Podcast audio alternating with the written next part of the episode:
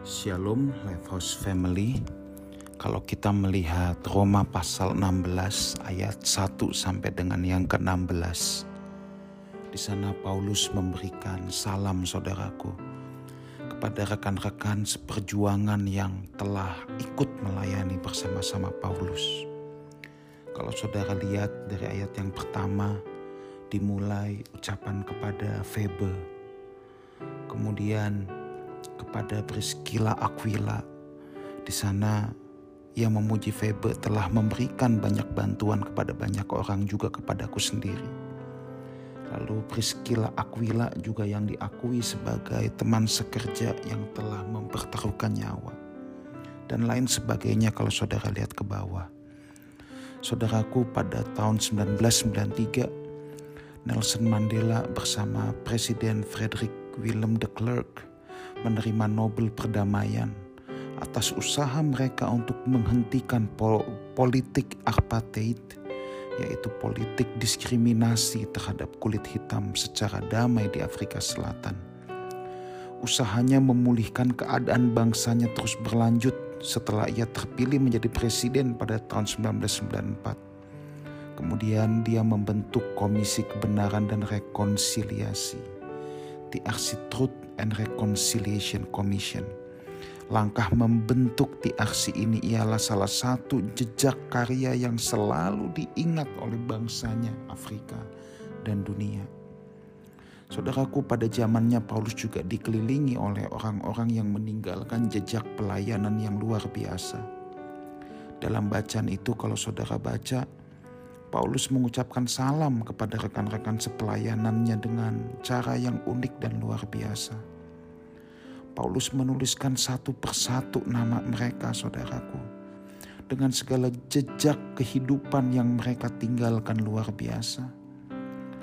Diawali dengan ucapan kepada Febe yang telah memberikan bantuan bagi banyak orang.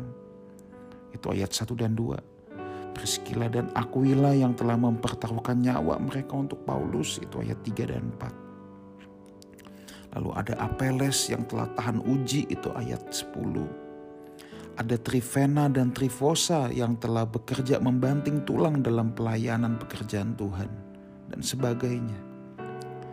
Melihat kerja keras dan buahnya, kita bisa melihat saudaraku pelayanan itu bukan sekedar rutinitas melainkan sebuah kerja keras di mana mereka mempertaruhkan segenap hidup mereka untuk Tuhan.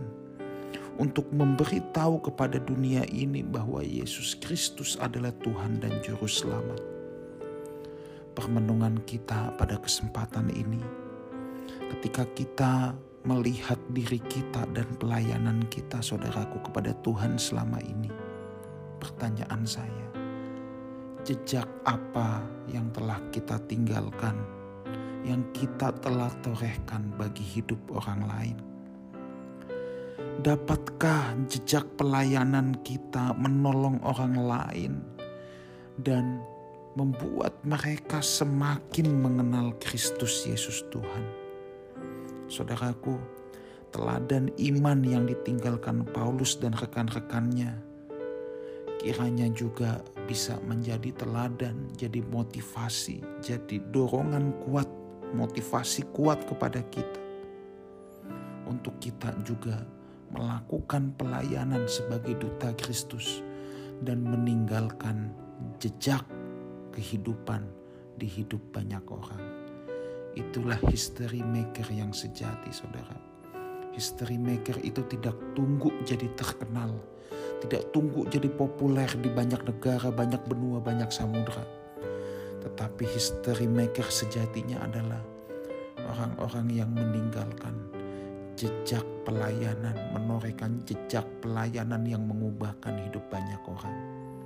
Kiranya kehidupan kita boleh meninggalkan tinta emas dalam hidup orang-orang lain dan diubahkan membuat mereka semakin mengenal Kristus.